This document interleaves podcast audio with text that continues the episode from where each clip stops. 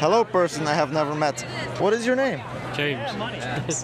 Um, how did you have a good time yesterday? I saw you were uh, Yeah, yeah, it's pretty good. enjoying the, the hip hop room. Yeah, So we're recording a podcast here if, uh, to like demonstrate the speed of our ingestion pipeline. yeah.